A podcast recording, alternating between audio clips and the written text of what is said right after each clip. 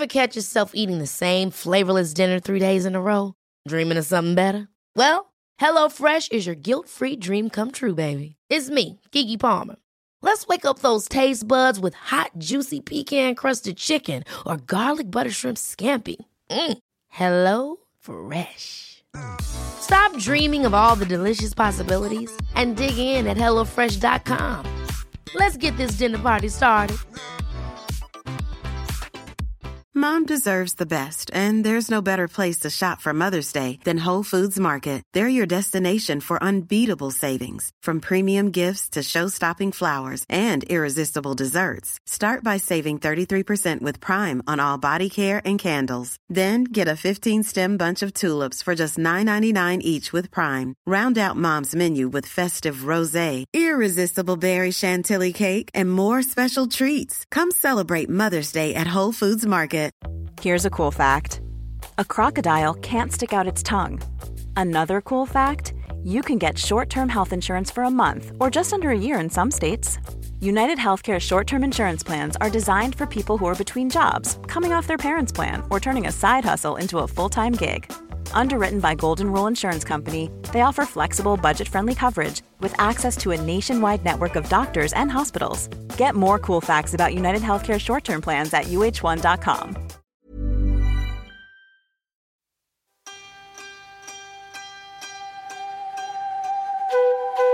Hej och välkommen till Psykologsnack, podden där vi pratar om psykisk hälsa och ohälsa.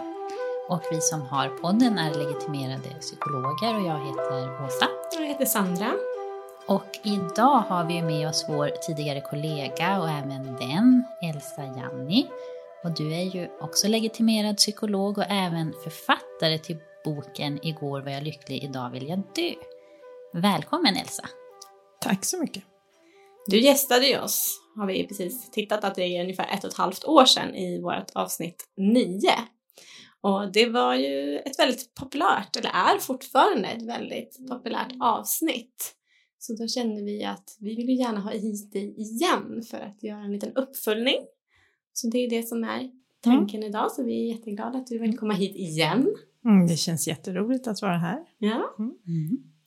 Så tanken är ju att det här blir en eh, frågepodd, Mm. kan man ju säga. Men precis, vi har ju vänt oss ut till lyssnarna innan Mm, det. och frågat lite så här, vad, vad, vill, vad vill ni att vi ska prata om? Just eftersom att det verkar som sånt stort intresse för det här ämnet och för, och för vårt avsnitt som vi hade med dig tidigare. Så vi har ju fått in en hel del frågor som vi tänkte att perfekt att ha dig med, att kunna besvara dem. Men först kanske vi ska ta en fråga från oss Mm. som vi har funderat på. Som vi eh, pratade om då för, ja men gud vad tiden går, ett och ett halvt år sedan. Eh, för då skulle ju din bok precis släppas. Det var ju inför boksläppet.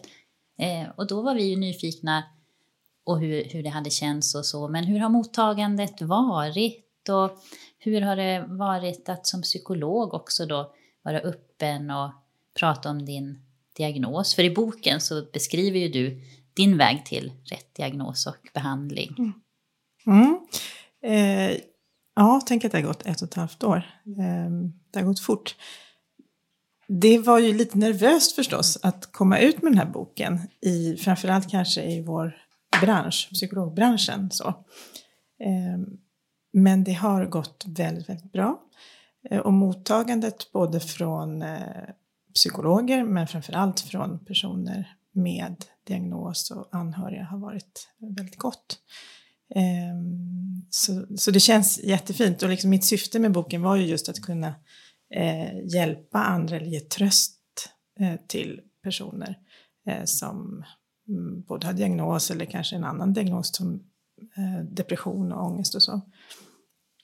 Eh, och jag har fått många eh, meddelanden eller sms eller mejl eh, om att eh, boken har varit just en sådan hjälp.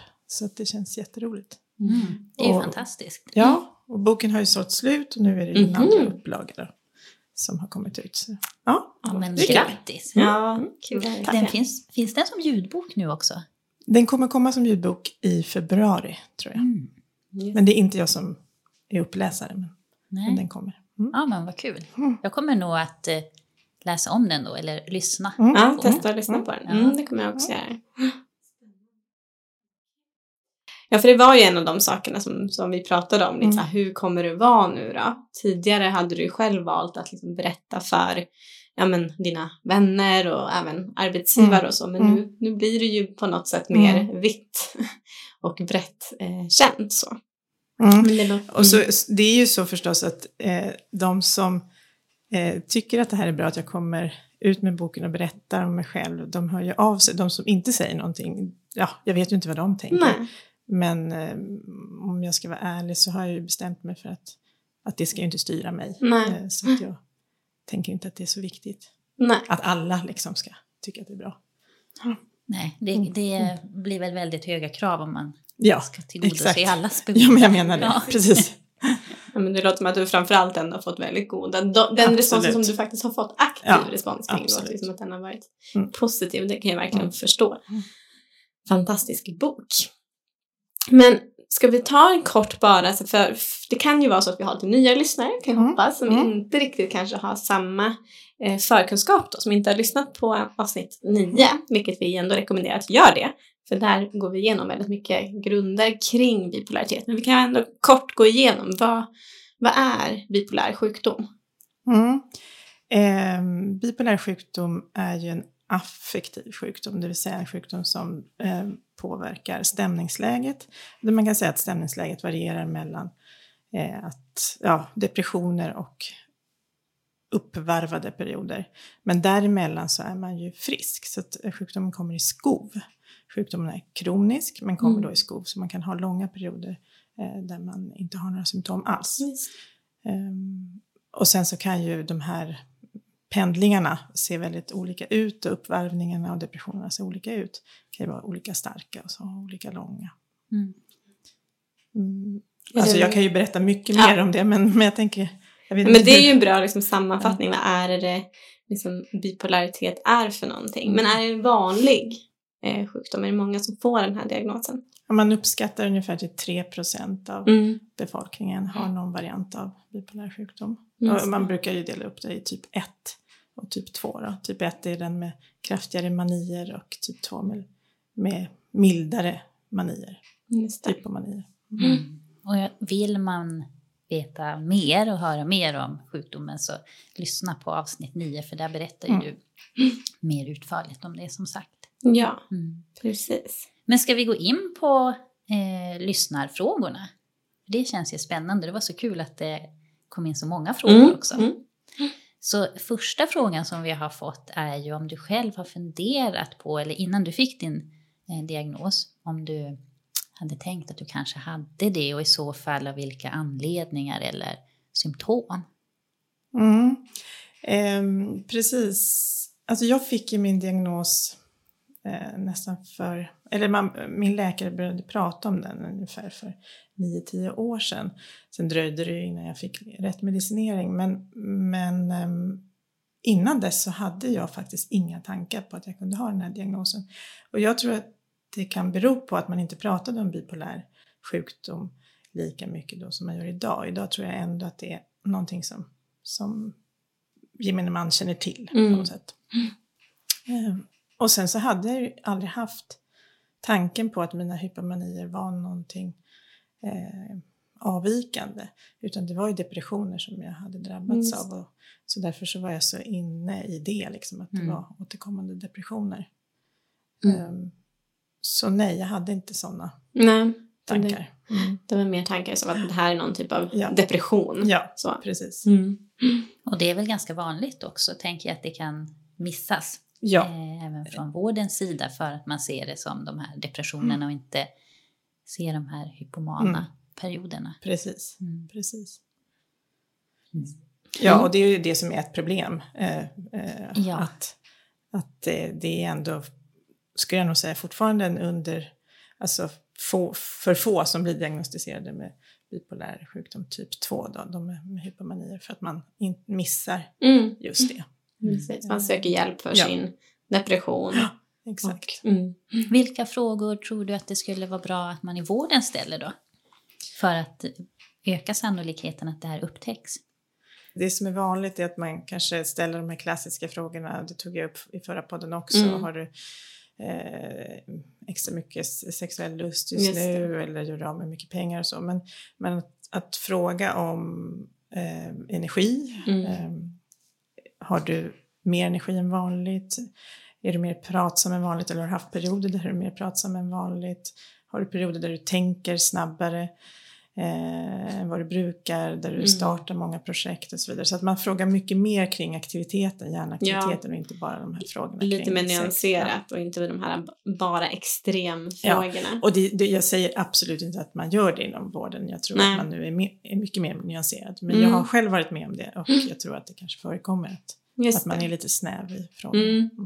Jag läste faktiskt någon, någon artikel här bara häromdagen som just sa att, men att, att det blir det faktiskt fler och fler som får diagnosen bipolaritet. Mm, mm. Och sen är det ju alltid den här frågan, vad Mm. beror det på? Mm. Men troligtvis så är det kanske för att man har blivit lite Mm. bättre i alla fall i vården förhoppningsvis att upptäcka. Eh, Men det är ju fortfarande, stod det även i den, det var Mats Adler som är ju Mm, ja, just det. Psykiatriker som, som många kanske känner till. Mm. Men, men just att så här, men det är ganska svårt att diagnosera. Det, man Mm. behöver ha en mycket större bild av en persons mående mer än Mm. bara ett nuläge. Liksom. Exakt. Just utan Mm. man behöver kartlägga en mycket längre period av en Ja. persons liv eller vad man ska säga Mm. för att hitta de här Mm. svängningarna. Så Mm. ofta så, så, ja, det är lätt att det kan falla mellan stolarna men det verkar ändå som att man Mm. har blivit något bättre på det. Och apropå det, eh, vilka frågor man bör ställa, så är det precis som du säger Sandra, att man behöver ju se, kartlägga en längre period av en persons liv. Mm. För det, om en person har en tydlig mani, ja då kan man nog vara ganska säker på att det här är bipolär sjukdom. Eh, om man gör i alla fall, eh, ja, om man ser att det kanske inte är någon, någon annan psykossjukdom. Mm. Men, men annars så behöver man titta på en längre period där man verkligen kan se att det finns svängningar.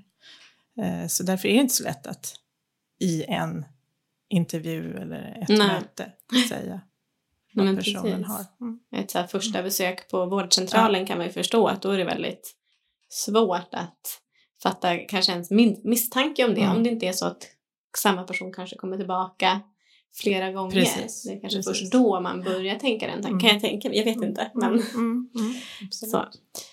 Men det är inte helt konstigt att första tanken kanske är mer depression Mm. också. Det är ju ändå också vanligare med, Mm. med depression. Du sa ju här inledningsvis Elsa att eh, bipolär eh, sjukdom är ju eh, livslång diagnos, något man har hela livet. Och förra avsnittet så eh, pratade vi en del om att att eh, eh, medicineringen, jag tror din medicinering hade slutat att hjälpa efter några år. Så vi har fått en fråga kring om det är vanligt och där eh, lyssnaren också uttrycker oro över att ja, men vad händer om de här medicinerna som just nu fungerar väldigt bra inte ska fungera längre fram. Och vad säger du om det? Ja, det är lite svårt att veta eftersom jag inte vet vad personen har för mediciner och för diagnos. Eh, Men de mediciner jag talade om i förra avsnittet, det var ju de antidepressiva. Och varför de slutade fungera, eller inte fungerade tillräckligt bra, så ska jag säga, det är ju för att det inte var rätt medicin. Det var ju inte adekvat medicin för bipolär sjukdom. Eh, och nu när jag har fått, eller när, när, om man får en helt eh, adekvat medicinering, det vill säga med stämningsstabiliserande medicin, då ser jag inte varför det skulle eh, sluta fungera. Eller det, det, det kommer det inte göra, så kan jag säga. Mm. Ehm, utan det var ju mer att den där medicinen inte var eh, helt rätt. Eh, så, få, så känner personen nu att hen har en, en, en, en bra medicinering så kommer det troligen fortsätta så. Mm. Så tänker jag. Ibland kan man ju behöva kanske en tilläggsmedicin eller något. Mm. Eh, så. Och det är klart att ehm, i, i mitt fall, jag har ju liksom varit eh, i princip helt symptomfri nu med litium i sex år. Eh, men det, jag vet ju att det här är en livslång eh, Mm. sjukdom så jag vet att jag kan få skov ändå, för så är det ju. Mm. Man kan få skov trots medicinering. Men då tänker jag att det är, eller jag tänker det, då blir det ju på ett mildare sätt. Och då kanske man behöver lägga till någonting tillfälligt. Just det. Eh, Mm. men det betyder inte att själva litiumet har slutat fungera. Nej, det är som att det avtar i verkan Nej. så att man hela tiden måste höja dos eller nej, så. nej. Däremot så behöver man ju alltid ta blodprov och det kan ju vara att det plötsligt är så att man måste höja eh, för att man måste hamna på, i ett visst läge men det är inte så att man har vant sig. Det är nej. inte en tillvänjning, det är inte som liksom beroendeframkallande nej eh, just det. mediciner. Mm. Mm. En annan eh, person skrev och frågade att, att det har hänt att den har slutat med medicinen Mm. För att det inte har känts eh, eh, att det finns ett behov av det längre för att man har varit stabil och mått bra men att eh, eh, sen har det inte blivit så bra när man har slutat med medicinen. Mm. Har du något tips på vad kan man göra om tanken dyker upp att så här, men nu behöver jag kanske inte medicin längre? Mm. Ja, och det, det är klart, det där är ju ett vanligt eh, vad ska jag säga, problem. Personen är inte ensam om det. Ett tips är ju att i en period där man känner sig stabil och har medicin och liksom vårdas på något sätt eh, bestämma tillsammans med sin omgivning, med någon person i sin omgivning, kanske en närstående och tillsammans med sin läkare, eh, hur man ska göra i Mm. situationen där de här eh, tankarna uppstår. För, för de, kanske kommer uppstå varje gång. Och hur gör man då? Och då, om man liksom har bestämt det innan och har på något sätt en plan så kommer det vara lättare att hålla sig till den. Så att man inte bara går på impuls när tanken kommer. Men också verkligen ha någon i omgivningen som man litar på och lyssnar på som kanske kan påminna en om Ja. vad man har tänkt tidigare och vad man vill. Sen tror jag också att man ska ställa sig den frågan när man inte då i... För jag kan tänka mig att den tanken kommer när man är lite uppvarvad. Mm. Eh, och att när man inte är det så att säga fundera på vad som är viktigt i livet och hur vill jag leva mitt liv? Hur vill jag vara i mina relationer? Och vad riskerar jag med mina, i mina relationer om jag slutar medicinera? Mm. Så att man har funderat på de här frågorna innan och då påminna sig om det Just när det det. här dyker upp. Så att det inte blir något Mm. impulsivt eller Mm. väldigt reaktivt beslut i stunden. Så. Precis. Mm. Precis. Eh, Okej. Om jag tänker apropå att vi har ju spelat in ett avsnitt om ensamhet, om man kanske Mm. inte har så många nära personer runt omkring sig. Har du något tips på vad kan man göra då? Är det via vården man ska försöka hitta någon? Alltså absolut eh, söka hjälp eh, inom vården. Det är ju jätteviktigt oavsett eh, om man har anhöriga eller inte så många.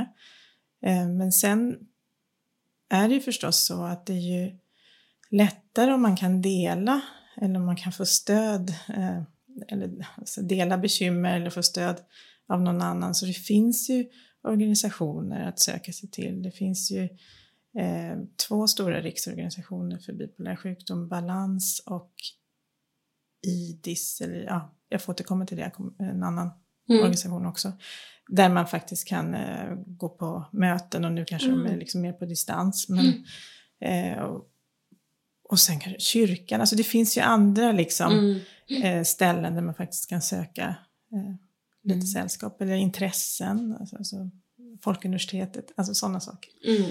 Mm. Så, jag, så jag tänker, och man behöver ju inte alltid få stöd i just sina problem utan mer att man får sällskap och kan Mm. göra saker tillsammans. Just det. Ja. Mm. Mm. Ja, men bra och viktiga tips som man Ja, inte verkligen. alltid tänker på själv. Nej.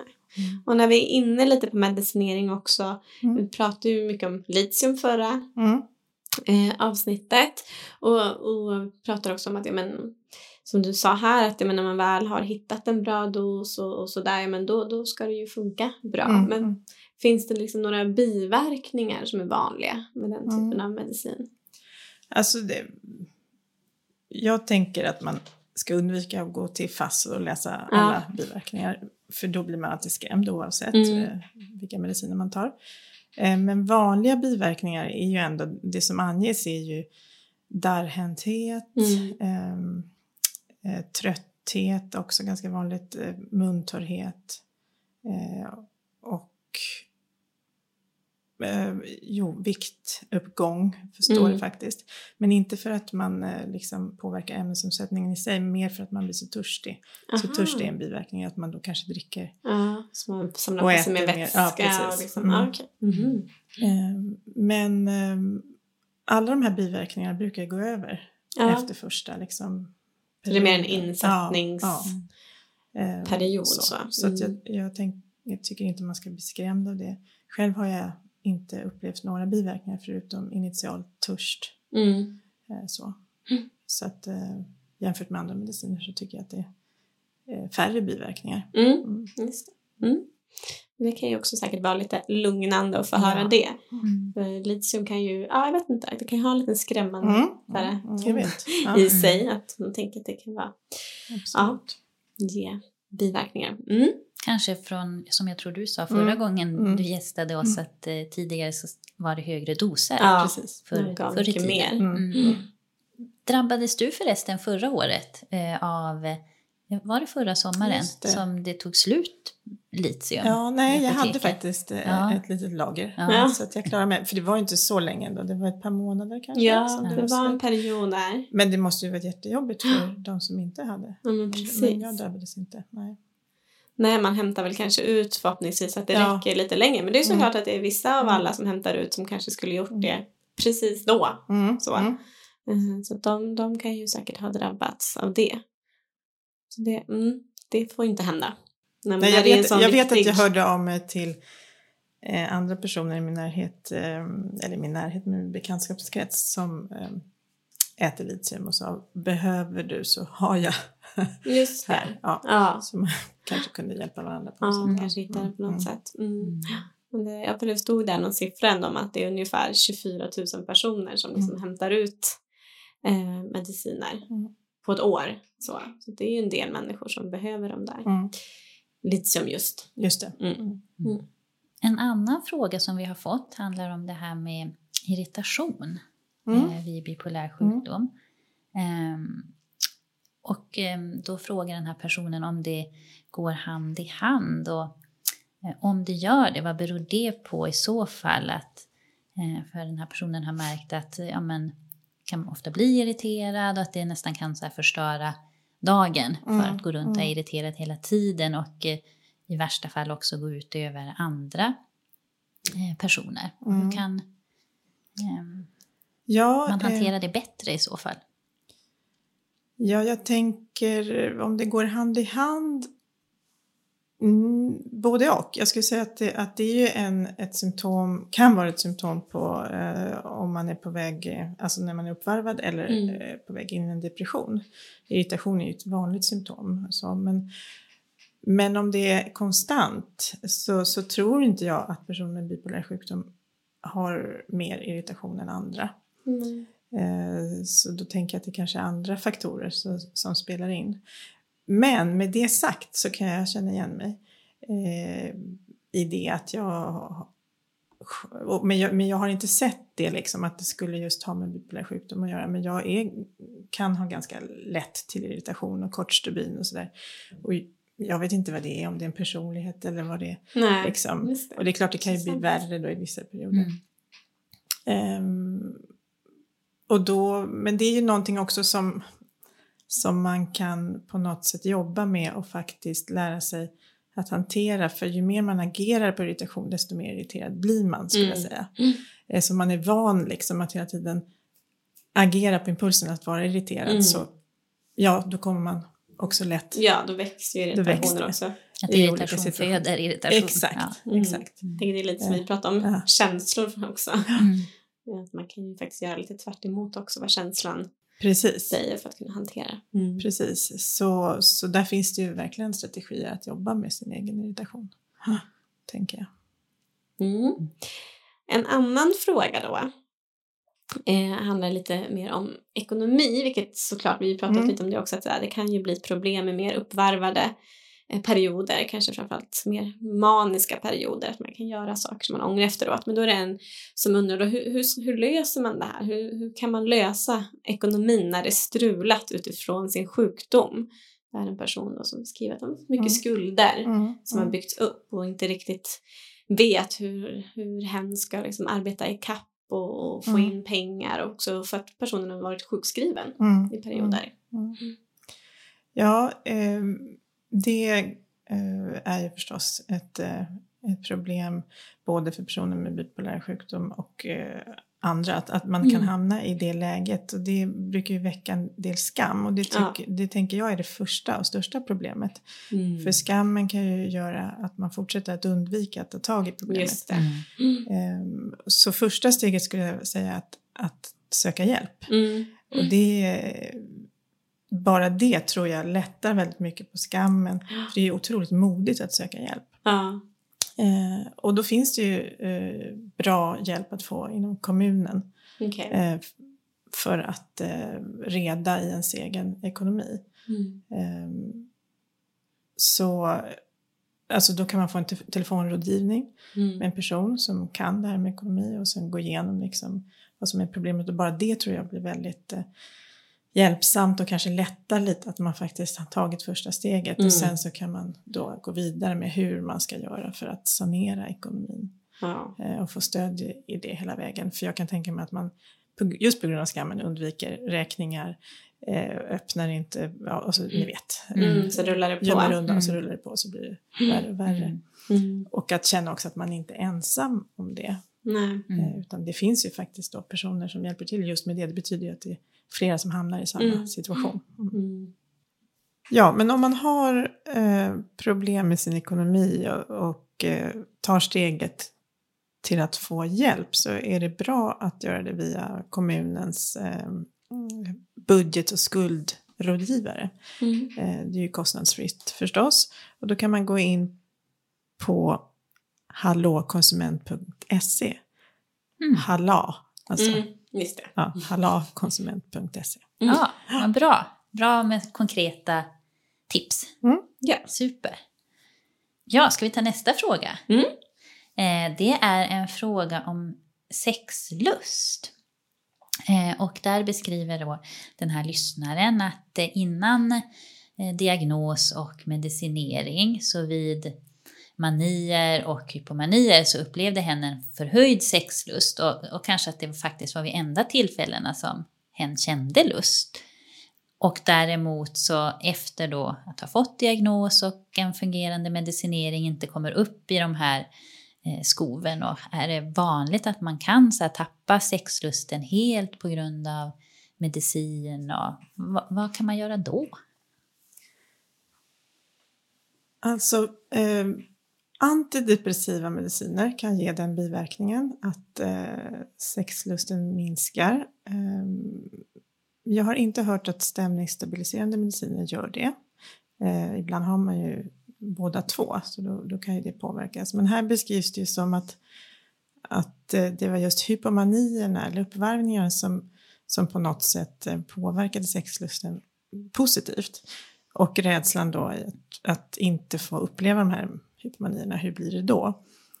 Eh, då tänker jag att det kanske också handlar om att lära känna sin, eh, eller vad ska jag säga, mm, sin sexlust även i en mer eh, stabil stämningsfas. Så.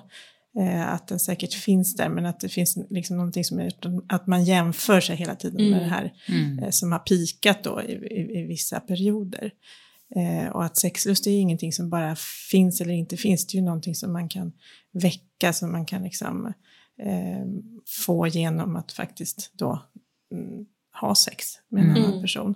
Eh, så att man behöver kanske inte bara vänta på att lusten ska infinna sig, som den kanske har gjort då i en hypomani, att man har Just känt det. den liksom, oavsett om man har haft en partner eller inte. Eh, utan lusten kan säkert komma ändå. Eh, så, så jag tänker visst, det kanske kommer att vara annorlunda. Mm. Men det behöver inte alls bli dåligt, utan tvärtom så Nej, eh, går det säkert att, Mm.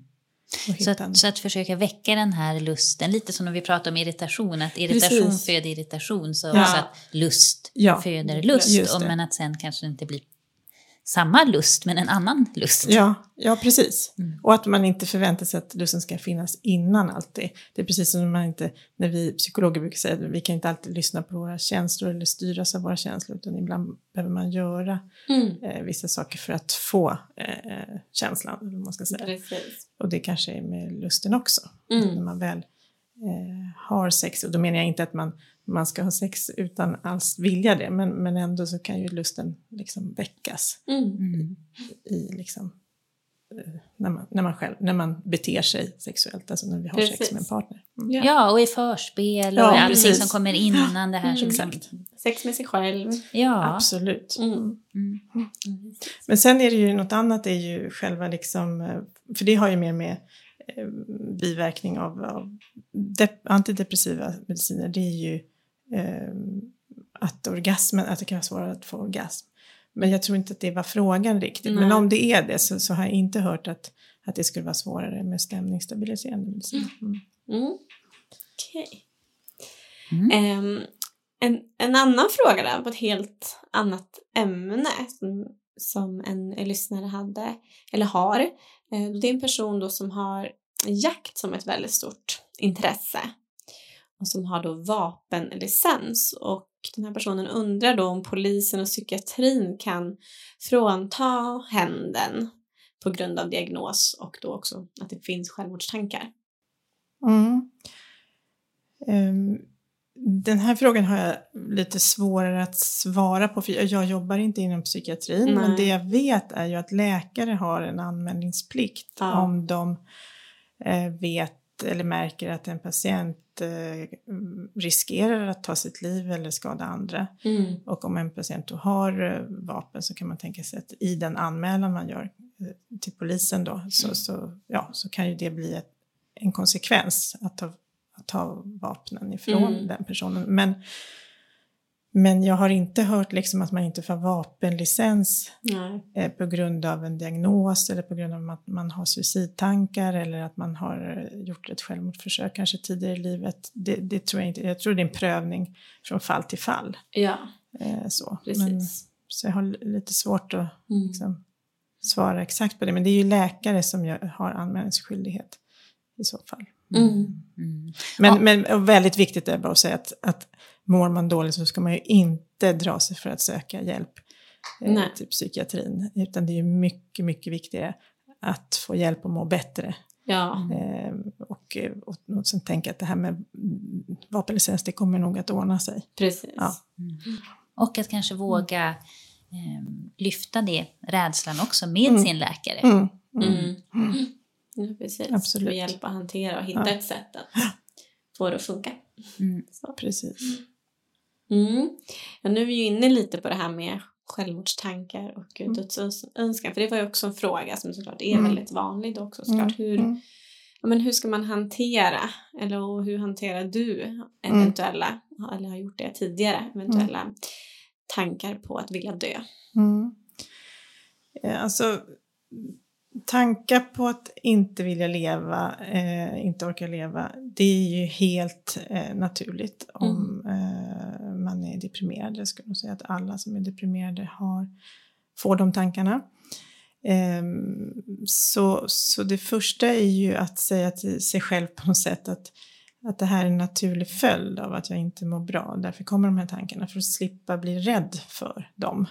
För det kanske är det, det kanske är väldigt obehagligt om det här är första gången. Och så dyker de tankarna upp och då känns det så otroligt eh, allvarligt och läskigt och så.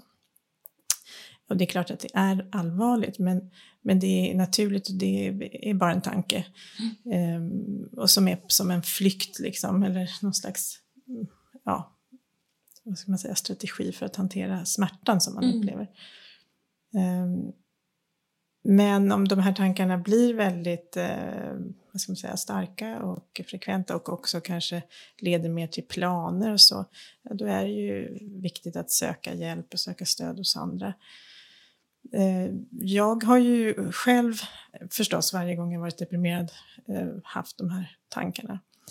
Ehm, och jag kan ju säga att efter några år så förstod jag ju att det var en del av depressionen så på det Mm. sättet blev jag ju inte lika rädd för dem. Ehm, jag tänker ibland kan det vara skönt att prata med någon annan om dem, alltså någon, inte bara inom vården utan någon närstående, men då måste det ju vara en person som inte blir så orolig. Mm. Och där man kanske kan säga att mer, jag har de här tankarna, det är för att jag mår så dåligt. Det är inte så att jag vill eh, jag har inga planer på att ta livet av mig men, men de här tankarna kommer jag tycker är jobbigt. Mm. Och kanske då bara för att också hjälpa den andra, för den andra kommer ju bli orolig. Ja. Men att man då säger att jag har inga planer men jag har de här tankarna. Mm. Och då kan man mer prata om smärtan för det handlar ju mer om det, att man vill få stöd i att det är så jobbigt. Mm. Eh, så att man kan mer prata om vad det faktiskt handlar om. Mm. Så att inte ja, man bara blir, pratar om och, och blir orolig för själva liksom, eh, tankarna så i sig. Eh, så att ta hjälp, ta stöd. Eh, tänk att det här är en del av sjukdomen. Mm. Eh, att det inte är konstigt att det är väldigt många som har tänkt de tankarna eller tänker de tankarna just nu. Mm. Eh, men blir det för jobbigt så måste man söka hjälp. Mm. Ja. Och där finns ju också, om man nu inte har någon i sin närhet att prata med eller om man behöver mer hjälp, såklart vården, men det finns ju också Mind som Mm. mind.se och de har ju självmordslinjen som man både Just kan ringa till, man kan chatta, man kan mejla med dem. Så det är också ett bra alternativ om man Mm. behöver någon att, Mm, att få prata med. Mm. Mm. Mm. absolut. Mm. En annan fråga då är ju en, en kvinna som beskriver att hon har bipolär typ 2 och att det känns väldigt hopplöst för att det inte finns något exakt svar kring vad som orsakar sjukdomen. Varför liksom vissa drabbas och andra inte. Och, och, ja, hon beskriver att hon tycker att det känns hopplöst och hon inte förstår varför hon mår så dåligt som hon gör. Hur kan man hantera, eller hur kan hon hantera den ovissheten, att inte veta varför? Ja, alltså det är ju så att eh, vi vet inte varför den här sjukdomen eh, drabbar vissa inte andra. Så vi kan ju säga att det är ju framförallt en, är- en fråga om ärftlighet. Mm. Det är upp till 70 procent som är, kan förklaras av ärftlighet och resten är ju olika faktorer, eh, miljöfaktorer, alltså hur man är, har växt upp kanske och, och sen stressfaktorer, alltså så vad, vad man är med om, vilka händelser i livet man är med om som gör att det då kanske eh, bryter ut, eller vad man ska säga. Eh, men, men vi kan ju inte veta exakt orsakerna. Vi kan inte Nej. veta exakt också varför den ena och inte den andra eh, får sjukdomen. Och det är en ovisshet eh, som man tyvärr måste lära sig att på något sätt leva med och acceptera. Eh, och det, det jag ändå tänker är positivt är att jag har fått diagnosen. För då vet man i alla fall att det finns en, en anledning till att man mår så dåligt. Och att kanske se på sjukdom som en, sjukdom, precis som, alltså precis som eh, cancer drabbar Mm. en person och inte den andra. Det är ju svårt att säga exakt vad det är. Ja, det är Eh, samma sak där. det, och det är inte. samma sak, det här är en sjukdom. Mm. Ehm, så, så där är det väl kanske för henne eller för honom är, är viktigt att, att så småningom kunna fokusera mer på vad kan hen göra för att eh, må bättre och Mm. titta framåt. För det kanske handlar om skam också. Mm. Mm. Att man inte vill ha det här. Eh, för så kan det ju vara. Mm. Eh, och det är ju en process i sig, liksom att bara komma till kanske acceptans av att, att nu är det så här. Att, Mm. att den här sjukdomen, att jag har den här sjukdomen och jag måste leva med den. Mm. Mm. Tänker det gå in lite i en annan fråga som vi har fått om att eh, men en person beskrev att i början så var det svårt att eh, ta till sig Mm. diagnosen. Är det vanligt att man inte vill kännas vid det? Eller? Mm. Eh, det tror jag. Eh, för mig kanske det inte var så, för det hade gått så himla lång tid så när jag väl fick det så var det bara skönt. Mm. Eh, men om man får det ganska tidigt i processen då tror jag absolut, för att bipolär sjukdom har ju fortfarande en sån, eh, vad ska man säga, stämpel att, att vara en ganska allvarlig psykisk eh, sjukdom.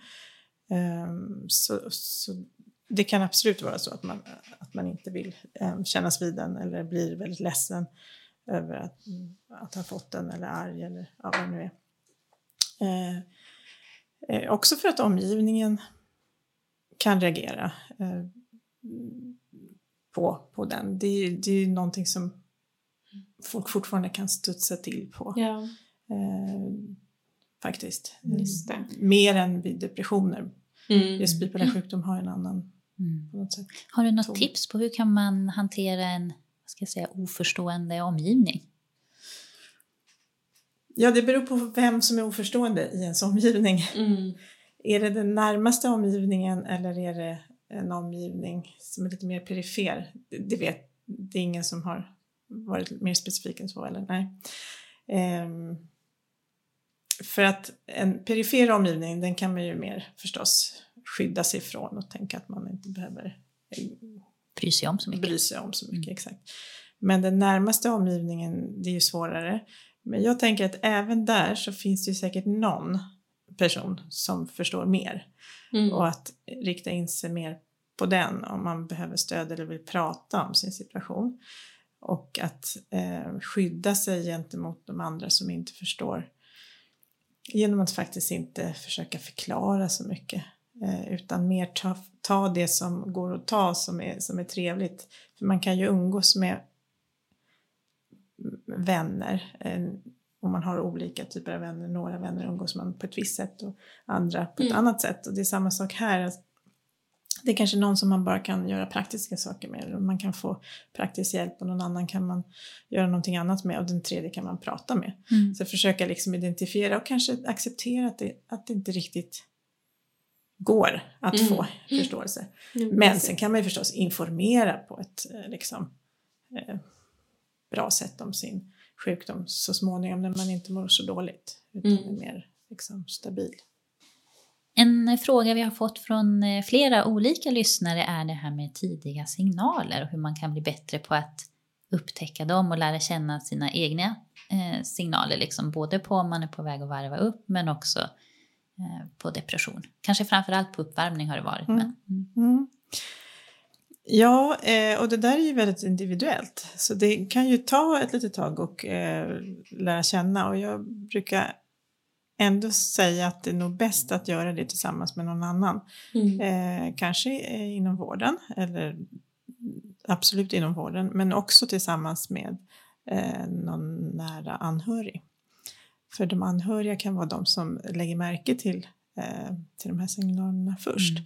Och då är det viktigt att både tänka på de inre eh, signalerna så att säga i kroppen, eh, tankar som rusar eller eh, känslor av energi, eh, glädje, eufori eller eh, initiativ, aktivitet och så vidare. Men också beteenden, alltså hur man, hur man är. Plötsligt så kanske man går mycket snabbare eller man pratar mycket snabbare eller man söker upp många fler människor än vanligt och så vidare. Och så vidare. Ehm, så, och då, då behöver man ju någonting att jämföra med så därför kan det vara bra att föra någon form av liksom dagbok också. Hur, Mm. man, hur man är under en längre period, både när man inte är uppvarvad och sen märka då om det blir no- några förändringar. Ehm, så. så det där ska man nog lägga ner lite tid på. Mm. För, för när man bara funderar själv så här, åh vad är mina tidiga signaler, då brukar man komma på dem som, som dyker upp men när det redan är lite för sent. Som inte är så tidiga. Som inte Ja. är så tidiga, exakt. Mm. Eh, så det är ju de här allra tidigaste som man vill komma åt. Mm. Och det är ett detektivarbete tänker jag, tillsammans med andra. Mm. Mm. Mm. Men det är väl ett jättebra tips till att faktiskt ja, men på något sätt kartlägga Mm. i hur, hur, hur är det kanske i vanliga fall och hur Mm. är det och se, och för då kan man också se lite hur det svänger kanske. Mm. Mm. Finns det någon bra app för det? Jag vet att vi pratade om förra Ja. gången också. Um, jag- Alltså, de håller ju på och gör en app. Jag har lite del i det nu. Mm, eh, vad spännande. På Karolinska. Ehm, en app som ska vara just för, eh, för de med bipolär sjukdom. Mm. Så den kommer komma ut och det är, då registrerar man just eh, tidiga mm, alltså varningstecken. Ja, det är allt möjligt där. just det. Eh, men den är inte klar än. Nej. jag vet inte om det finns någon annan som redan är Nej, igång. det finns ju såna här mood, um, ja, där man bara kan skatta mer i siffror tror jag. Mm. Så här, hur, hur man mår. Mm. Men jag vet inte riktigt. om- Mer för depression kanske. Ja. Mm. Eh, Jag vet att jag har använt någon sån eh, i behandling alltså tidigare. Jag tror att den här ska komma under våren. Mm, Okej, Mm. Jag vi får återkomma med det då Ja. Mm. som tips Ja. att använda det. Kommer den vara liksom öppen för Mm. alla? Mm. Mm. Mm. Ja, men vad bra. En annan fråga som har eh, inkommit också är att vad tycker du att man ska göra om man misstänker att någon eh, nära ens närhet då eh, är bipolär eller har bipolär sjukdom. Mm. Det är ju också lite beroende på vad man har för relation till den personen. Men är det någon eh, riktigt nära som, som också har förtroende för en, då kan man ju prata om det. Mm. Eh, och nämna det liksom. Eh, väcka frågan. Men är det någon som är lite längre bort som man kanske inte har, alltså den personen kanske vill inte lyssna riktigt på vad man säger och det skulle kanske bara skapa, eh, då kan, kan man ju behöva vara lite liksom smidigare. För det är ju faktiskt så att, att det är svårt att ändra på andra personer. Det är svårt att eh, se, att, se till att andra personer tar hjälp om de inte vill. Mm. Så man behöver ju väcka eh, deras vilja, deras behov av att få hjälp. Eh, så om det finns ett behov av eh, stöd, ett behov av hjälp, då kan man ju absolut prata om det här ganska lätt. Eh, finns det inte så behöver man ju väcka frågan på andra sätt, Mm. om du förstår vad jag menar. Ja. Hur Eh, kan man göra då? Ja, vad kan man göra då? Det beror alltså är personen eh, så, så att, lider den? Eh, mm, tänker den själv att den mår dåligt? Mm. Eller är det så att den kanske är i en uppvärmningsfas eh, och mår jättebra och inte vill höra något? Ehm, då kanske inte det är så mycket att göra först det är dags liksom att söka hjälp, alltså om det blir mer akut. Man kan ju prata med andra i den personens omgivning som kanske har lättare att nå in Mm. och säga det här ser jag. Men sen tänker jag, om man får hjälp av personen, då tänker jag att man ska kanske följa med den till eh, vården och vara med Mm. och säga till eh, läkaren vad man Just själv har sett. Ja. För den här personen kanske inte har sett det själv. Nej, just det, då kan Eh, man kanske ha gjort lite av den här Ja. kartläggningen själv, att man kanske har noterat Precis. att det har skett vissa förändringar Ja. i, i beteende över tid. Just det, precis. Mm. Och det är ju vård, läkaren eller vården tar ju gärna emot nära Mm. anhöriga eh, om personen själv ac- accepterar det så att säga. Ja, Just för att få en, en bättre bild. Mm. precis. Mm. Mm, jag tänker också lite på det vi pratade om förra gången med ensamhet, det här med att Mm. många drar sig undan när folk mår dåligt. Mm. Att det är nog det är nog bättre att ändå göra någonting. Absolut. Alltid. Även om det känns obehagligt. Hur ska den här personen ta det? Absolut. Och sådär. För det är så många som, ja det är så lätt att, att man ja, inte gör någonting Mm. istället. Så Mm. att på något sätt lyfta det att men jag har sett någonting Mm. och det här oroar mig. Mm. Och, ja, jag tänker att det är Jo väl men det absolut, jag håller helt med. Men man kanske får vara beredd på att inte ta sig emot Ja, alltid. Utan man absolut. får liksom stå ut med det då. då. Ja, och kanske Men göra absolut. flera försök. Ja, Mm. exakt. Mm. Mm. Mm. Visst. Okej. Eh, en till fråga då. Eh, tycker du att, det här är en person som undrar då, tycker du att jag ska berätta för min arbetsgivare att jag har bipolär diagnos? Ja, det är också en fråga om vem, eh, alltså vad syftet är. Mm. Eh, jag tänker om hen eh, på det sättet blir, eh, vad ska man säga, friare på arbetsplatsen eller eh, kanske har lättare då att eh, få vara sjukskriven någon gång eller våga berätta om när hon mår dåligt eller han mår dåligt. Då ska hon, hen absolut prata med Mm. arbetsgivaren. Eh, men, men inte bara för att, tänker jag. Det, be, det behöver man ju inte göra. Eh, och sen beror det ju helt på arbetsgivaren, att man får känna in lite vad det är för arbetsgivare. Eh, men jag är ju absolut för att berätta. Jag tror ju att man för det mesta ehm, skapar en, en, vad ska man säga, en, en bättre arbetsmiljö för sig själv och andra av att vara öppen eh, med det här och att det blir då lättare att inte känna press att man måste må bra alltid, att man inte måste vara så hemlig eh, och att det, ja, att, att det blir liksom öppnare klimat generellt. Mm. Eh, Men med det sagt vill jag säga att det finns ju arbetsgivare som kanske inte tar det på rätt sätt och då kan det ju bli en jobbig situation. Så att man måste ju lite känna in Ja. situationen och personen behöver känna själv att hen känner sig trygg i sin egen diagnos. Så att det inte känns för läskigt att lämna ut sig. Mm. Mm. Just det. Ja, så det är lite beroende Mm. på helt enkelt. Mm. Mm. Men att du, du förespråkar ändå det här med, med Mm. öppenhet. Mm, absolut. Förstår. Vi närmar ju oss eh, slutet av alla de här eh, intressanta och viktiga Mm. frågorna som vi har fått in. Är det någonting som du vill tillägga, Elsa, som du har tänkt på? Eh, ja, nej men lite det här med att vi... Jag har ju pratat mycket liksom om vikten av mediciner. Men eh, det är ju eh, minst lika viktigt att få psykologisk eh, behandling, tänker jag, parallellt med medicineringen. För det är så mycket som handlar om acceptans av sjukdomen, om livsstilsfrågor, om att lära känna igen sina signa- varningssignaler, att kunna att vara följsamma, så att det vill säga att ta medicinen och inte liksom sluta med den. Mm. Det finns massa sådana saker som man behöver stöd i och det får man av eh, en, en psykologisk behandling. Mm.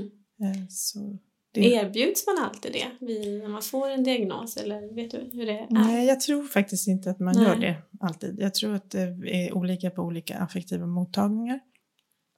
Jag vet att eh, just personer med bipolär sjukdom typ 2 inte alltid tillhör en affektiv mottagning utan tas om hand mer av allmänpsykiatrin. Ehm, och ibland är det gruppbehandlingar, men ganska sällan individuella behandlingar.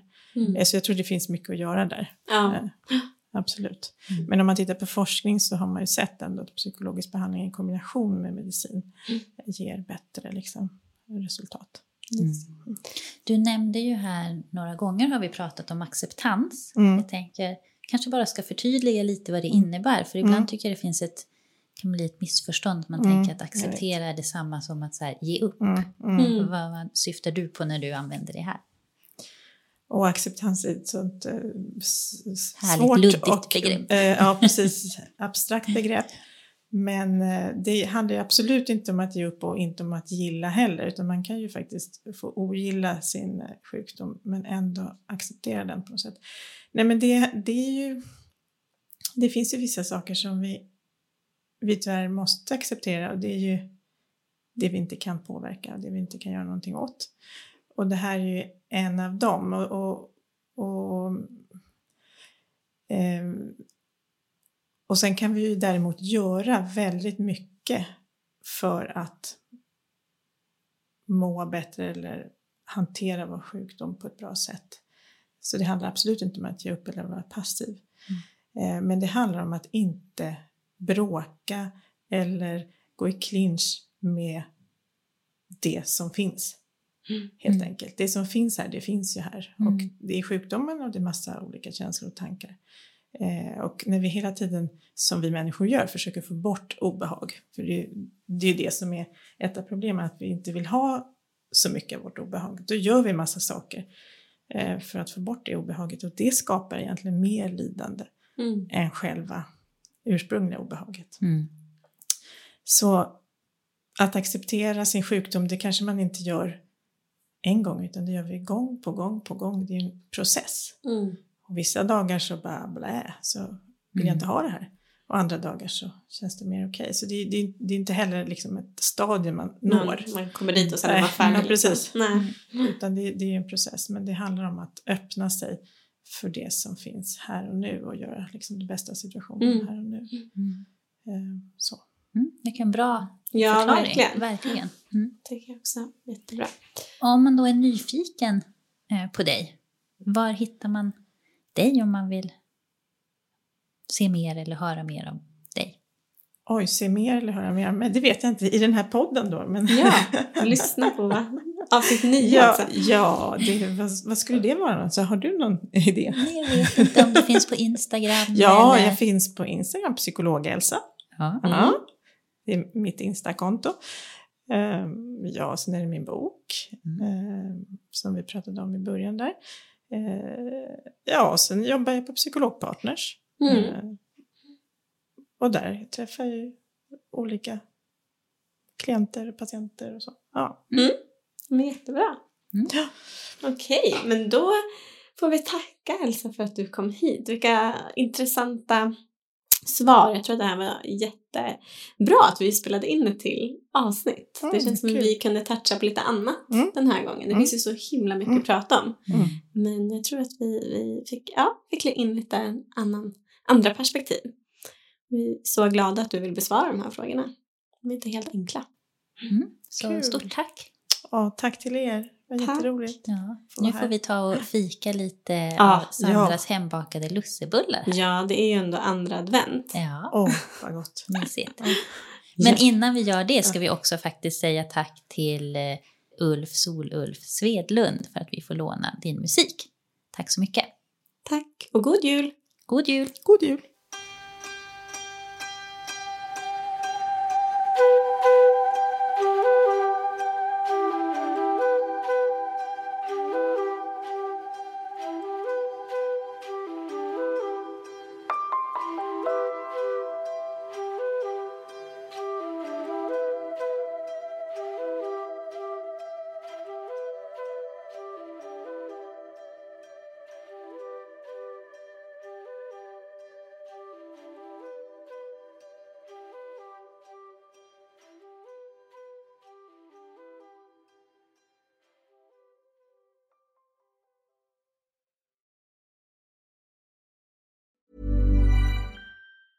Ever catch yourself eating the same flavorless dinner three days in a row?